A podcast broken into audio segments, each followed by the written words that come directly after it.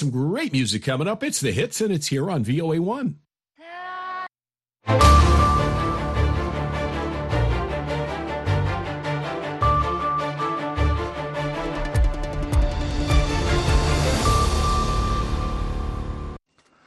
halkani waa washington laanta af soomaaliga idaacadda v o a oo aad ka dhegeysanaysaan muwjadaha gaagaaban efemada geeska africa iyo caalamka oo dhan oo aad nagala socotaan v o a somaly com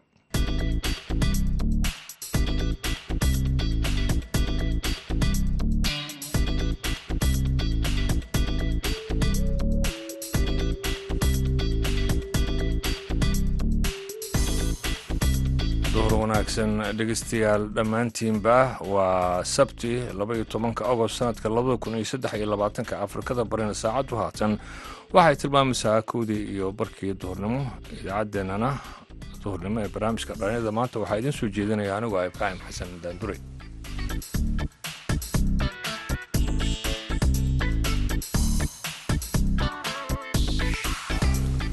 Qodobada aad ku dhegeysan doontaan idaacaddeenna duhurnimo ee barnaamijka dhallinyarada ee maanta waxaa ka mid ah barnaamijka madasha dhallinyarada ah oo toddobaadkan aanu ku eegayno caqabadaha iyo rajooyinka ay qabaan dhallinyarada qaxootiga ku ah kenya. Dadka soomaaliyeed ee halkan ku nool ay u qabaan in wadankoodii uu nabad noqto wadankoodii ay dib ugu laamaan baahi weyn jirto. Gaar ahaan haddana dhallinyaradii da'yarta baahi maarata weyn qabaan oo dee stateless intaasoo sane ina ahaato waxawaaye waa waad dareemi kartaa qofka xanuunka ay ku hayso. Dhallinyarada waxay rabaan maarata horumar inay gaaraan adduunka inay la tartamaan. Heesihiina waan idiin haynaa hase yeeshee intaasoo dhan waxaa ka soo horreyn doonaa warkii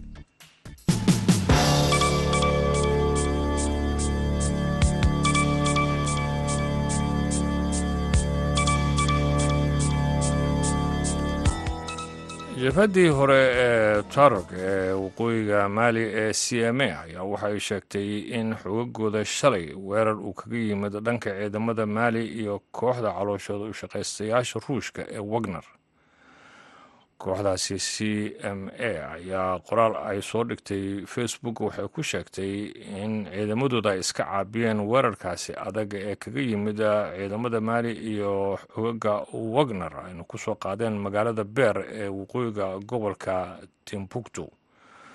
Waxaan beesha caalamka ugu yeeraynaa inay markhaati ay ka noqdaan falalkan halista ah ayuu yidhi afhayeenka c m a maxamed ilmuluud ramadani. Isaga oo cambaariyey weerarkaasi kuna tilmaamay mid xadgudub ku ah dhammaanba ballanqaadyadii amniga iyo qabanqaabadaba ciidamada maali ayaa waxay sheegeen in ay si adag ay uga aargoosteen iskuday la doonayay in lagu galo fariisinkooda shalay iyagoo ku eedeeyay dhacdadaasi argagixisada jabhadda ayaa waxa ay ku dhawaaqday in dhammaan wakiiladooda ay uga baxeen bamako sabab dhinaca ammaanka ah. Warkiina dhegeystayaal waa naga intaas.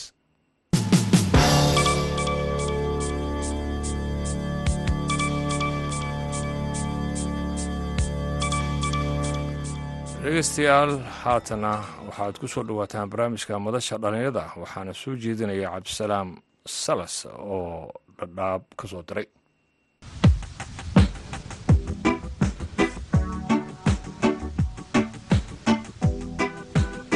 kulanti wanaagsan dhegaystayaal ku soo dhowaada barnaamijka madasha dhallinyarada oo toddobaadkiiba mar aad ka maqashaan warbaahinta v o a. Barnaamijka oo asbuucan idinkaga imaanaya xeryaha dhadhaab ee gobolka waqooyi bari waxaad ku dhegaysan doontaan baahida dhallinyarada qaxootiga ay u qabaan in adeegyada dawliga ah ay ka helaan safaaradda soomaalida ee ku taala dalka kenya. Barnaamijka waxaa marti ku ah siyaad tabane aadan oo ah aqoon-yahan wax ku bartay gudaha xeryaha. Balse ugu horeyn siyaad tabane ayaan barnaamijka ku soo dhoweynayaa. Walaal waa mahadsan tahay. Bismillaah magacaygu waa siyaad tabane aadan. Waxaan ahay xubin ka tirsan xubnaha sarsare ee ururka dhallinyarada xerooyinka dhaabka ka howlgala muddo dhowr sano ahna halkan ilaahay nagu nooleeyey maasha allah dee dhallinyaro soomaaliyeedaan nahay oo wadankoodii inta badan maaratay hawe iyo hamiba ooga jiro oo wadankoodii jecel oo haweeney maalinba maarata ku fikira kuna maarata riyooda in mar uun aan wadankii dib ugu laabano marka wadankeena ilaahay hanoo xasiliyo marka waxaan leenahay wadanka ilaahay nabadta nooga dhigo insha allah si aan dib u noqono oo aan maaragtay dad wax noqtay aan nooga noqono. Waayahay si aad nambar ahaan bulshada qaxootiga ah n dhallinyarada tare intee laeg bay ka yihiin. Niyo dhallinyarada waxaa la sheegaa inay boqolkiiba toddobaatan iyo shan in ka badan ay yihiin dadka populationka xarooyinka dhadhaab ku nool marka populationka si guud looga hadlana dadka ugu badan waa soomaali. Soomaalina hadda wadankan kenya waxay soo qaxootisay laga soo bilaabo kun sagaal boqol sagaashan iyo kowdii xilligii burburkii dowladdii maaragtay dowladda dhexe ay meesha ka baxday ilaa iyo waqtigaasna meeshaan maarata ayay soomaali badan ay qaxooti ku tahay oo maarata dad caruura halkan ku dhasheen. Saddex jiil camal hadda sii maraysaa oo inta ilmaha ay ku dhalanayaan oo maarata waxaad arkaysaa hadda cunug halkan ku dhashay oo ilmo ku dhalay oo ilmihiisii hadda ay ilmo kale sii dhalayaan. Marka waa waqti dheera halkan la joogay oo magaca qaxootinimana dusha uu noo saarnaa. Marka waa nasiib darro soomaali ay si gaar ah ay maarata ugu xubsatay waa. Waa tahay waxaad ka warbixisaa baahida aad u qabtaan xiriir aad la yeelataan dowladdiinnii ama dowladdii soomaaliyeed ee dabcan idinka idin matalaysay?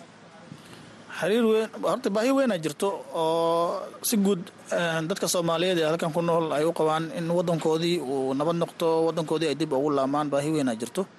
Gaar ahaan haddana dhallinyaradii da'yarta baahi maarata weyn ay qabaan oo dee stateless intaasoo sane inaa ahaato waxaa waaye waa dareemi kartaa qofka xanuunka ay ku hayso.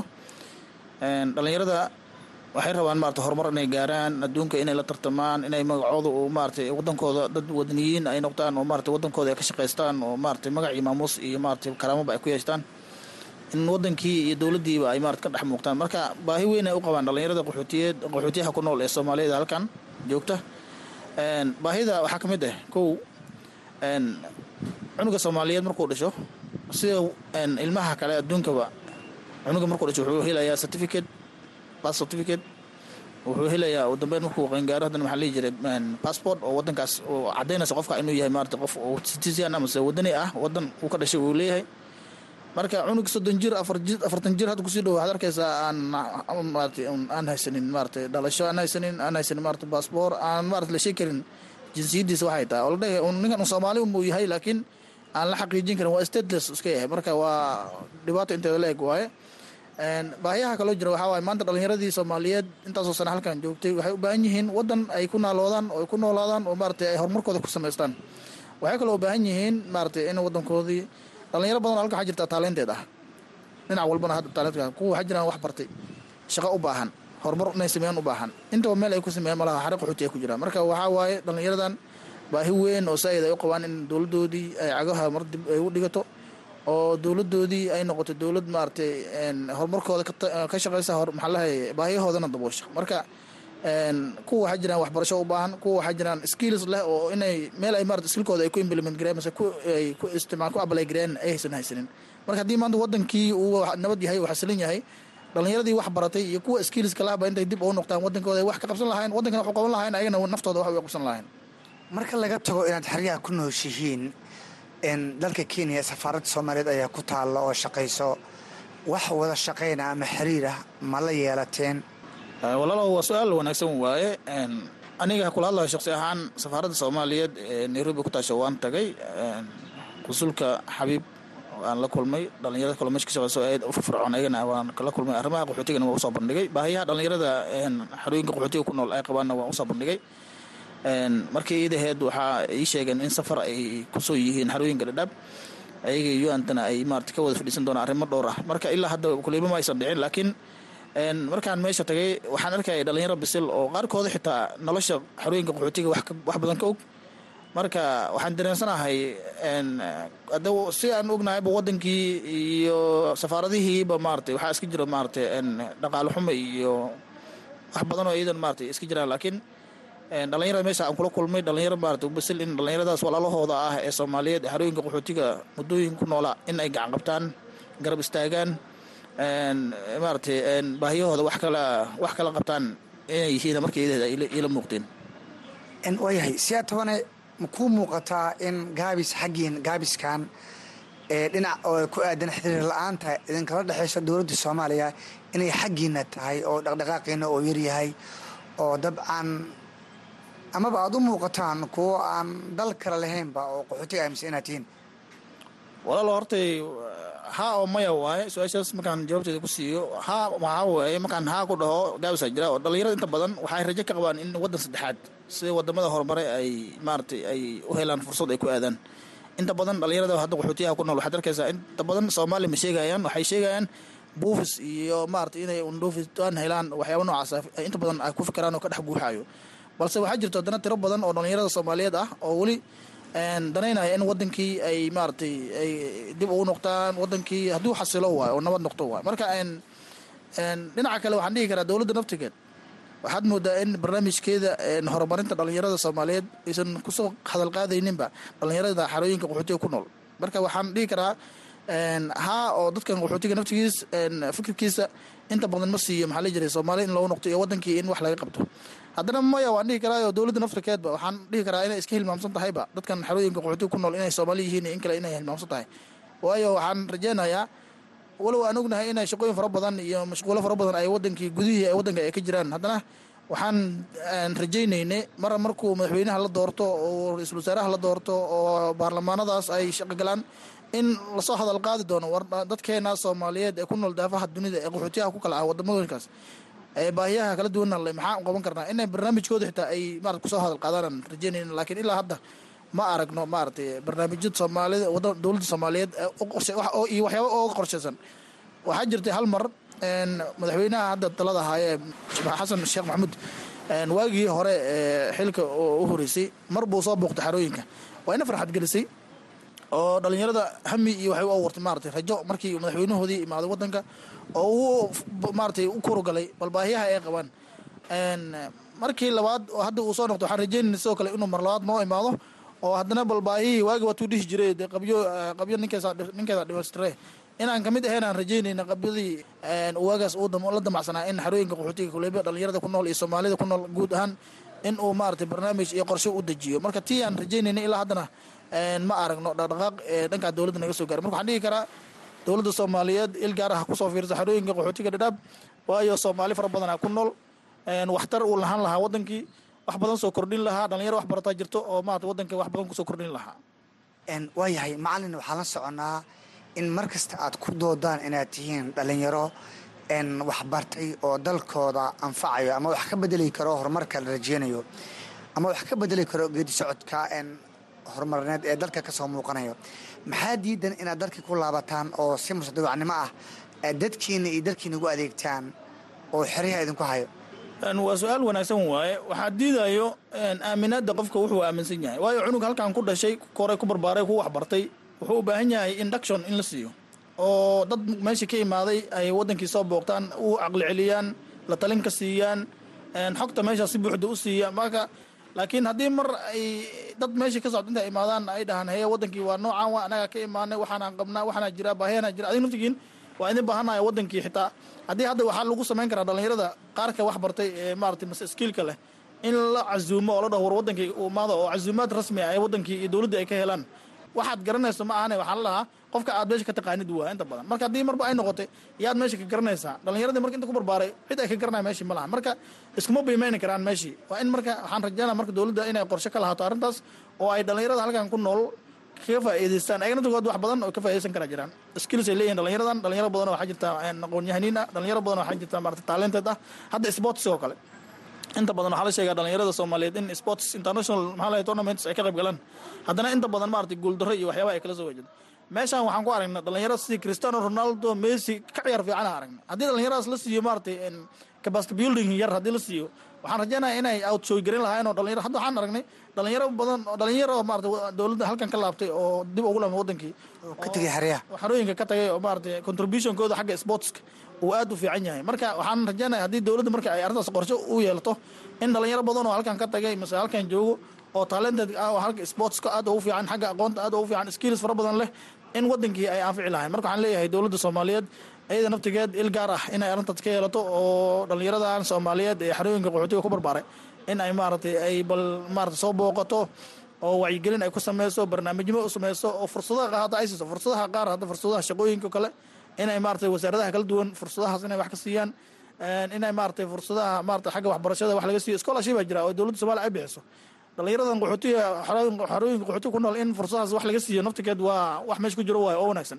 Marka dhalinyaradii hamiya yeelan lahaayeen kal gel lahaa wadan jeceela gel lahaa maarata maxaa gel lahaa maarata qadiyad soomaalinimo iyo wadaniyada gel lahayd. Marka arrintaas waxaan leeyahay dowladda naftirkeed way ka gaabinaysaa waayahay sidee bay kula taha marka in xiriir wadajira loo heli karo oo dhalintan looga faa'iidaysan karo ayagana dalkooda fursad ay ugu khidmayn karaan ay u heli karaan fursadaas aniga waxaan qabnaa hadda oo anatigan dhalinyarada dhexdeena is weydiinayn waxaa waaye in bal anagoo wafuud ah oo isxilqaamnay in aan bal wadankii anagoo weli u marayno safaaradda dowladda iyo u n c r anagoo marayno in maaragtay bal aan wadankii bal aan xiriir wasaaradda hadda maxaa lahay dhalinyarada sportska oo kale inaan xiriir la yeelano wasaaradda arrimaha dibadda oo kale ee hadda meelahan laga heli karo inaan maarata xiriir noocaas la yeelano oo aan bal maaragtay aniga isxilqaano oo aan dowladdeeni dhahno warwaana kanaaye soddon sano iyo ka badana xerooyin qaxooti ku nooleen baahiyahaas noocaasna waa leenahayo.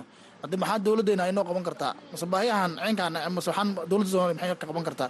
Hadda hadda waxaan ka hadlayay bas certificate aan ka hadlayay baasboor aan ka hadlayay arrimahaas oo in la fududeeyo oo ay branch halkan ay u samayso dowladda maarata arrimahaas ay kaga faa'idaysan karaan dadka waxaa jirtaa xujey oo mar walba xerooyinka qaxootiga ka baxdo waxaa jirtaa dad jow oo dana fara badan leh oo maarata baasboorka u baahan dadkaas dhan ma heli karaan accessibility. Waa inay inta ka baxaan oo nairobi ay tagaan mase inta ka baxaan oo ay tagaan soomaaliya wadankii dib u noqdaan marka waa marka waxaan jeclaan lahaa in arrimahaas loo fududeeyo oo maaragtay branch oo accessibilityga si u fududaado in maaragtay dhalinyarada xitaa ma loo soo dhaweeyo adeega dowladnimo loo soo dhaweeyo oo meesha ay joogaanba xitaa. Ilaa hadda meesha maamula ka jira dowladda ka jirta in dowladda ay la soo xiriiraan oo ay maarata adeegii dowladnimo loo soo dhaweeyo dhalinyarada soomaaliyeed ee xarooyinka qaxootiga dhadhaab ku jira. Waan ku talin lahaa. Marka waxaan leeyahay anagana isxilqaanana waa fiican tahay oo aan maarata dowladdaas aan aniga aan bal u tagno dhan warwaana kanaaye bal haddee maxaa baayahana aa jiraan maxaa noo qaban kartaan. Sidoo kale weli waxaa codsi u diri lahaa halkan ka codsan lahaa dowladda federaalka soomaaliya oo mudane madaxweyne xasan maxmuud xasan sheekh maxmuud uu hogaaminayo in ay wafdi noo soo dirto ballaaran oo bal ay u kurgalaan xaaladda ee dadka soomaaliyeed ee xarooyinka qaxootiga ku noolaa muddo ay ku nool yihiin iyo waxa ay qabaan iyo baahiyaha gaarka ay leeyihiin. Kadibna qorshe ay ka yeelataan iyadana maarata ku talin lahaa. Ugu dambeyntii fariinta aad siinayso bulshada qaxootiga ah iyo dowladda soomaaliyaba maxay tahay bulshada soomaaliyeed bulshada soomaaliyeed si guud waxaan fariinta udira waxaa la horta inay wadanka u duceeyaan wadankii mar alaale iyo mar alaale markay tukadaan markay soonka soonka furayaan inay wadankii u duceeyaan inuu ilaahay noo xasiliyo inuu ilaahay nabad noogu soo dabaalo in maarata soomaali boggeeda ilaahay maarata burcad isu mariyo in khilaafka iyo maxaalaha iyo dhibaatada ka jirta wadanka ilaahay nooga qaado in abaaraha iyo maaragtay mashkuuladooyin faraha badan soo lalaamay inuu ilaahay naga qaado oo maaragtay wadanka ilaahay noo xasiliyo horta mar walbo wadanka inay u duceeyaan waan kula talinaya marka koowaad waana fariintaas soomaali si guud aan ugu faraaya insha allah raxmaan gaar ahaan dadjooga xarooyinka dhadhaab ku nool oo muddo soddon sano ay ka badan ku jiray. Haddee ma ahan mustaqbalkiia meesha ku lumaya. Mustaqbalkii iyo jiil dhana meesha ku lumaya. Marka waxaan leeyahay bal ducada labalaaba dadaal fara badan hala sameeyo. Soomaali meel walba ay joogtan waxaan ugu baaqayaa inay isku duubni iyo midnimo iyo walaalnimada ay mar walba ku dadaalaan oo maaragtay ay si wada jir ah ay maarata horumarkaas wadankana ay ka qayb qaataan maaragtay dib u dhiska wadanka ay ka qayb qaataan. Meel walba ay soomaali joogtana maaragtay walaalnimada ay tixgeliyaan. Waxaa jirto marka hadda aan bulshooyinka kale noloon lahay waxyaabo badan oo soomaalida ay caan ku tahay jirto. Sida waxaalaha wadaaga oo kale cuntada la wadaago wax walbo iskaalmeynta isgargaarka isgaraqooshada isgarab istaaga marka waxaan leeyahay waxyaabaha wanaagsan ee positiveka ah mar walbo inaan banaanka la imaano waxyaabaha negativeka ah oo maaragtay ay bulshada caalamka ay nagu leeyabaysan inaan mar walba aan ka fogaano waa baaq aan u lahaa si guud soomaalida insha allah raxmaan. Aad baa mahadsan yahay kaasina wuxuu ahaa siyaad aadan tabane oo ka mid a dhalinyarada xeryaha qaxootiga ku barbaaray oo marti ku ahaa barnaamijka madasha dhalinyarada idaacadda fiooda waad mahadsanta waqtiga qaaliga. Guud ahaan dhegeystayaal barnaamijka madasha dhalinyarada oo idinkaga imaanayay xeryaha dhadhaab halkaas ayaan ku soo afmeerayaa. Barnaamijka waxaa idiin soo tabinayay anigoo ah cabdisalaan salas. Balse iminka aan dib idinkugu celiyo oo bahda washington iyo barnaamijyada idaacadda duurnimo dohor wanaagsan ayaan dhegeystayaal mar kale idin leeyahay. Haatanna waxaad ku soo dhowaataan barnaamijka ciyaaraha iyo cabdiqaadir samakaab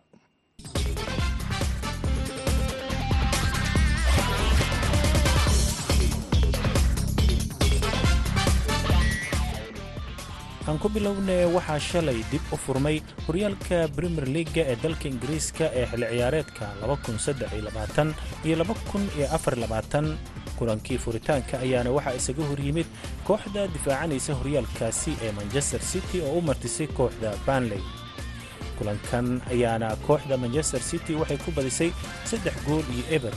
Laba ka mida goolasha ayaa waxaa dhaliyey xidiga ilaa iyo hadda shabaqa laga hor istaagi la'yahay ee haalan kaas oo sannadkii la soo dhaafay diiwaan cusub u dhigay gooldhalinta horyaalka ingiriiska goolka saddexaadna kooxda manchester city waxaa u dhaliyey ciyaaryahankooda qadka dhexe ee rodri. Kooxda manchester city oo hadda loo tiriyo ama lagu tilmaamo kooxda ugu awooda badan qaaradda yurub. Islamarkaana xil ciyaareedkii la soo dhaafay ku guulaysatay koobka ugu weyn ee kooxaha horyaalada yurub ee uefa champions league horyaalka ingiriiska iyo f a kabka ayaa guusheedii shalay waxay ku muujisay sida ay u tahay koox horyaalka difaacan karta haddaba kooxda manchester city guushaasi fariin noocee ah ayay ku dirtay ayaan weydiiyey nuur bukhaari oo la socday furitaankii horyaalka premier leaga ee shalay. Samakaab waa mahadsan tahay manchester city shalay waxay dirtay fariin culus ciyaarteedii ugu horreysay ee horyaalka lagu furay ee premier leaga sanadkan ama xilli ciyaareedkan labada kun saddex iyo labaatanka labada kun afar iyo labaatanka. Horta manchester city waxaan ognahay in dhowrkii sano ee la soo dhaafay iska maamulinaysa ee ahayd kooxdii ugu xooganayd ee horyaalka ingiriiska ee dhinaca kubadda cagta waxaan ognahay in xilli ciyaareedka la soo dhaafay ay taariikh sameeyeen oo ay qaadeen horyaalka ingiriiska kan f a kaabka iyo koobka kooxaha horyaalada yurub ee uefa champions league. Marka intaas marka aad isku darto waxaa kuu soo baxaysa iyo guushii ay ku bilaabeen in ay diyaar u yihiin in ay wacdaro kala dhigaan maskaxiyan iyo jir ahaan waxaad moodaa in ay aad u diyaarsan yihiin sida aad ka warqabto oo dadka ciyaaraha kubadda cagta la socda ay ka warqabaan manchester city. Ciyaartooy fara badan oo laba koox laga dhigi kara ayay leeyihiin oo haddii tababaraha uu u baahdo in koob iyo tobanka ciyaartay shalay uu bedelo ciyaarta kale wuxuu ciyaarsiin karaa koob iyo toban kale oo u dhigan tababarahoodii waa u joogaa ciyaartooydoodii muhiimka ahayd waa ay u dhan yihiin. Marka laga reebo laba laacib oo ka tegey oo sida kabtankii kooxda ilki ay gondwan oo ku biiray kooxda barcelona iyo riyaad mahris oo qabtay dhinacaas iyo sacuudi carabiya. Laakiin inta kale ciyaartooydii manchester city waa ay wada joogaan. Ninkii haalan ahaa laba gool ayuu shalay dhaliyey waxayna ila muuqataa in uu sidaas si la mid ah uu goolal u dhalin kara marka waxay ila tahay manchester city in cabdiqaadirow ay horyaalka qaadi doonto. Waxaad sheegtay in kooxda manchester city ay ku guulaysanayso ama ay difaacanayso horyaalkan. Marka hal iyo laba haddii aad ka tilmaanto ee kooxaha sanadkan kula tartamaya ama aad is leedahay ciriiri way ku gelin karaan yaa ka mid ah. Dabcan samakaab waxay ila tahay in kooxaha ingiriiska qaarkood gaar ahaan arsenal ay tahay kooxda kula loolami karta horyaalka premier league ingiriiska xilli ciyaareedkan manchester city. Chelsea marka aad fiiriso waatii xilli ciyaareedka la soo dhaafay ay aad u liidatay oo ay meel fog ku dhammaysatay manchester united dhismaa ku socda weli. Liverpool waa uun koox iska wanaagsan laakiin ilama ahan inay horyaalka u tartami karto sanadkan marka loo fiiriyo qaabkii ay u ciyaareen xilli ciyaareedka la soo dhaafay. Marka waxay la tahay arsenal oo kaalinta labaad ku dhammaysatay oo muddo soo waday horyaalka haddana isu soo dhistay oo dhowr laacib keentay in ay kula loolami karto. Mahadsanid nuur bukhaari kulamada kale ee ka tirsan horyaalka premier leaga ee maanta la ciyaaraya waxaa ka mid ah kan u dhexeeya kooxaha arsenal iyo nottingham forest. Westeham waxay u martiyi doontaa kooxda bournemouth crystal ballasna waxay la ciyaaraysaa kooxda shevel united kooxda evertonna waxay isla ciyaari doonaan kooxda fulham.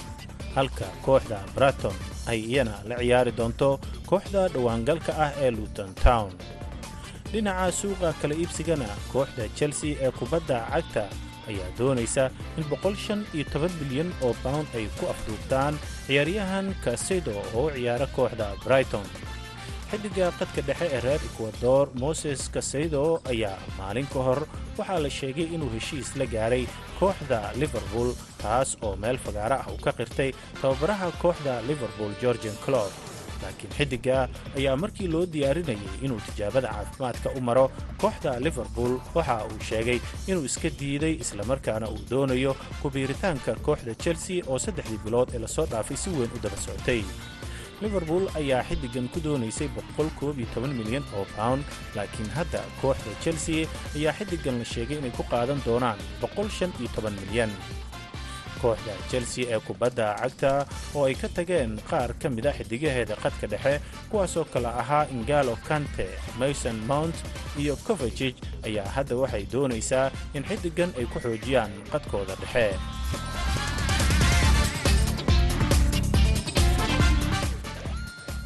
mahadsaned cabdiqaadir maxamed mursal samakaab ayuu ahaa uu soo jeedinayay xubintii ciyaaraha haatana xaggii muusica haddaan jalacno waxaan idin soo qabanayaa beledweyne iyo xasan aadan samater oo qaaday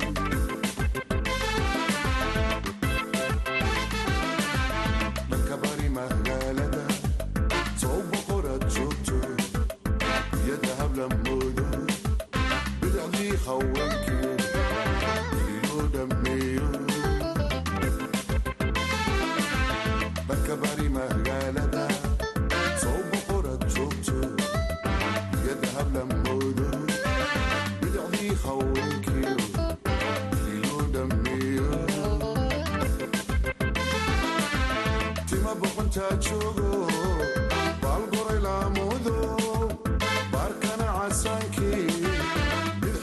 sidee tahay aniga iyo